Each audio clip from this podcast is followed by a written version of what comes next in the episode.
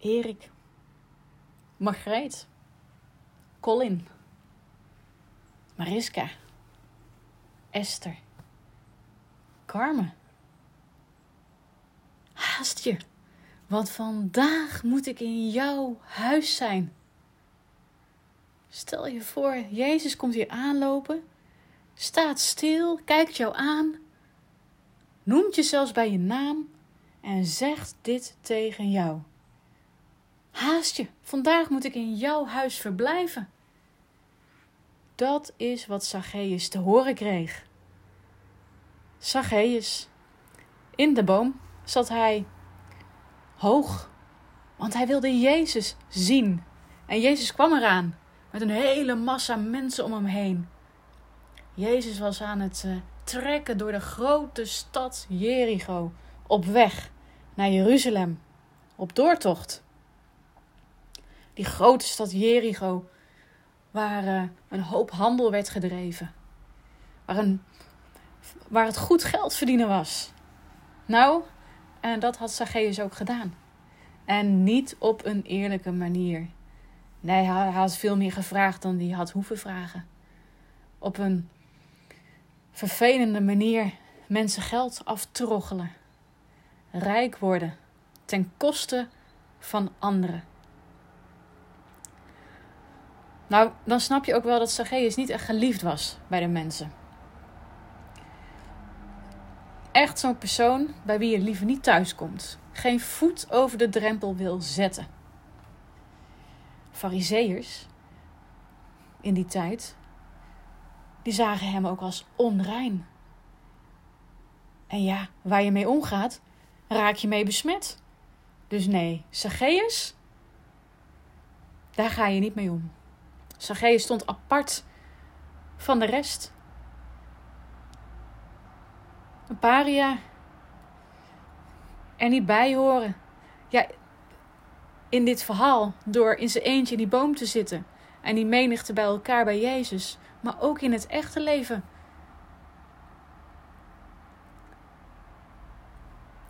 Jezus op doortocht door de grote stad Jericho, aan het lopen. Maar ineens staat hij stil. Bij een vijgenboom. En hij kijkt omhoog. Ziet Zacchaeus. En hij zegt: Zacchaeus, haast je, kom snel naar beneden, want vandaag moet ik in jouw huis verblijven.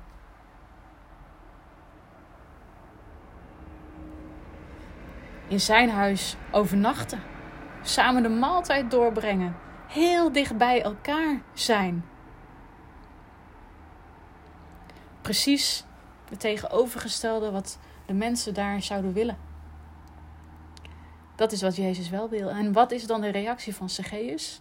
Het lijkt wel haast in één zin, meteen erop volgend.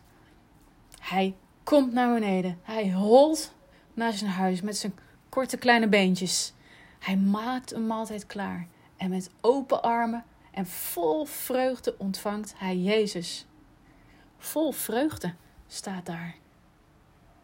Misschien wel niet voor niets. Maar misschien betekent het wel dat Zacchaeus daarvoor toch minder vreugde kende. Ja, hij had. Hij was rijk. Hij had veel spullen. Hij had heel veel vergaard. Maar maakte hem dat echt gelukkig? Gaf dat ware voldoening? Maakte dat nou echt blij? In deze tekst zie je. Hij ontvangt Jezus in zijn huis en leert dan echte vreugde kennen. Hij wilde Jezus zien, klom in een boom. Hij ontvangt Jezus in zijn huis. En hij heeft ook dan alleen nog maar oog voor Jezus. Er staan nog steeds heel veel mensen daaromheen. En ze zijn aan het mopperen en murmelen. En ze snappen er niks van. Waarom wil Jezus hier eten? Met deze man in dat gezelschap zijn. Zacchaeus? Hij heeft het helemaal niet door. En dan, tijdens die maaltijd, terwijl ze zo lekker met elkaar aan het eten en genieten zijn, staat Zacchaeus op. Zacchaeus staat op.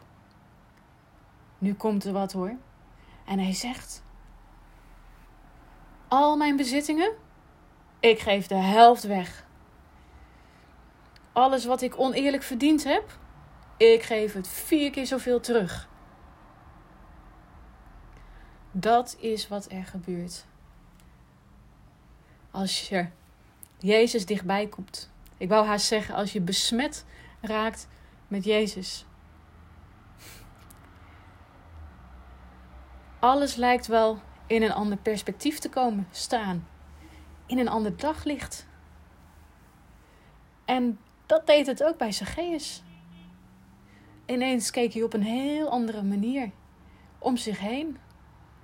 Naar alles wat hij dacht verdiend te hebben. Naar alles wat hij had. Al zijn goederen, al zijn spullen. Dicht bij Jezus zijn zorgde ervoor dat er iets veranderde. Zacchaeus werd geraakt. En hij wist, het moet anders nu. En hij stond op. En het gebeurde. Ook weer alsof het niets was. In één zin door. Het lijkt haast wel een beetje een karikatuur. En ja, bij Zacchaeus was het misschien ook wel duidelijk wat er moest veranderen in zijn leven. Zo zichtbaar als wat was dat hoe hij omging met geld en omging met mensen, dat dat niet een fijne en juiste manier is van samenleven. En is het dus ook haast logisch wat zijn actie zou moeten zijn? Dat hij moest leren om geld op een eerlijke manier te gaan verdienen.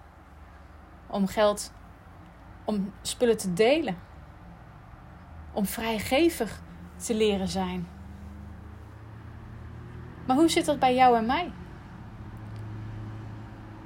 Zijn er uh, bij ons dingen waarvoor wij misschien uit die boom moeten komen, bij Jezus moeten gaan zitten, in Zijn licht dingen zetten, een ander perspectief krijgen, om vervolgens op te staan en daar dan ook echt mee aan de slag te gaan.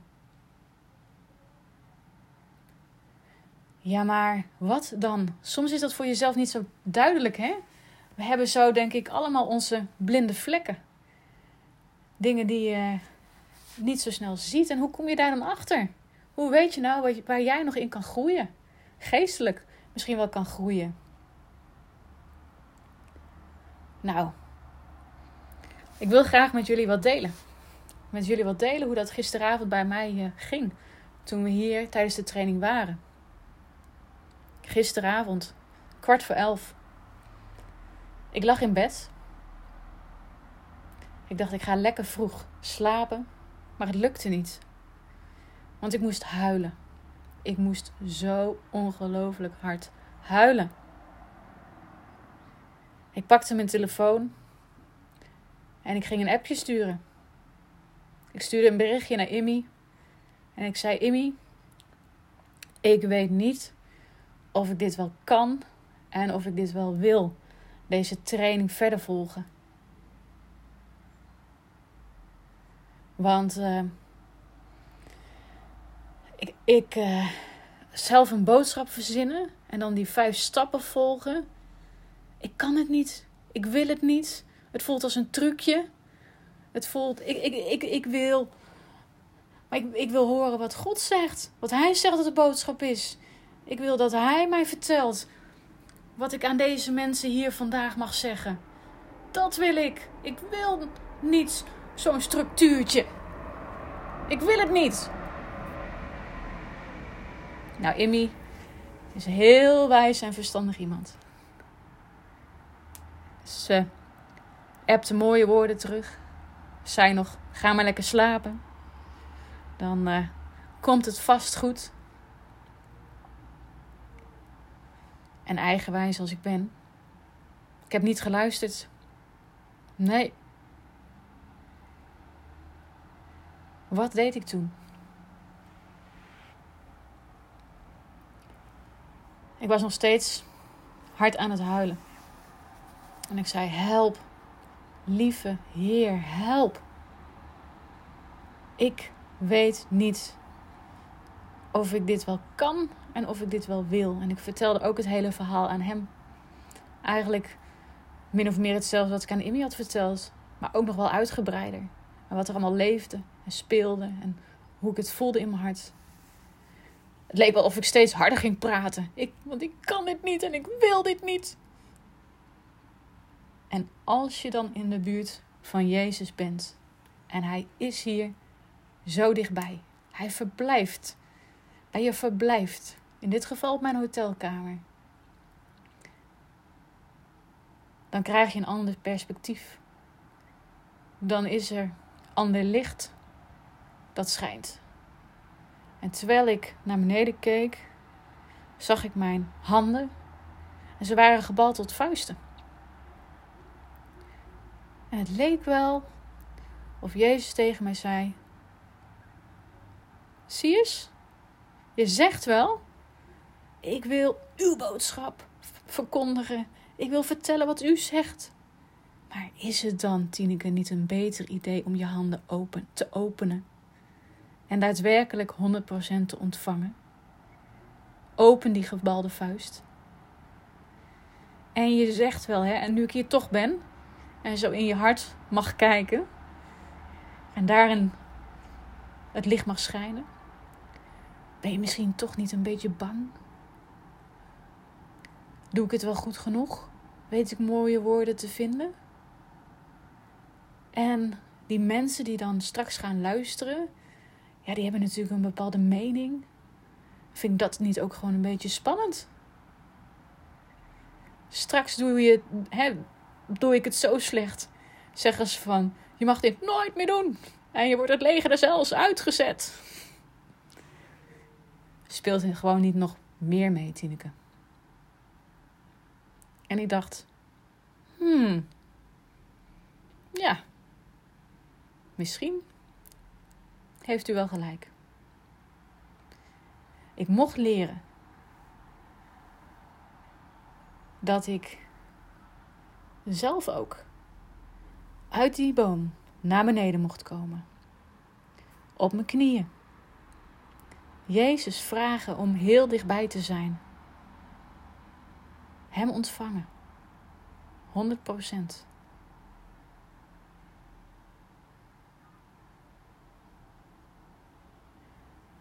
En om vervolgens ook weer op te staan.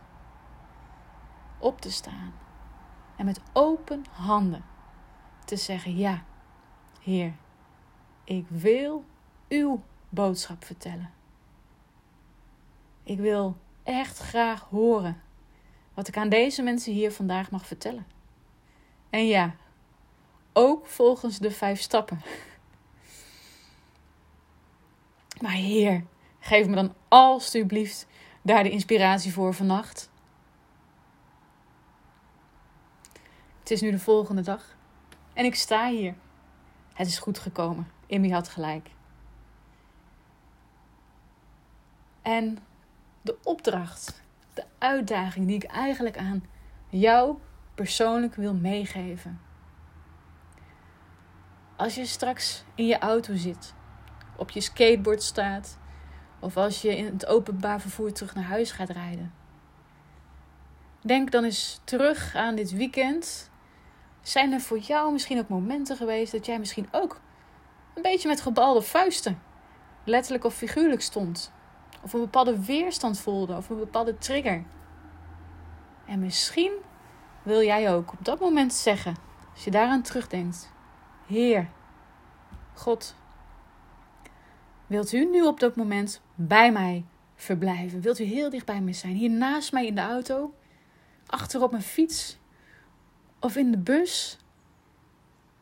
Wilt u mij laten zien uw perspectief met uw ogen, met uw hart naar deze situatie doen kijken. Want wat is het dat ik misschien mag gaan doen?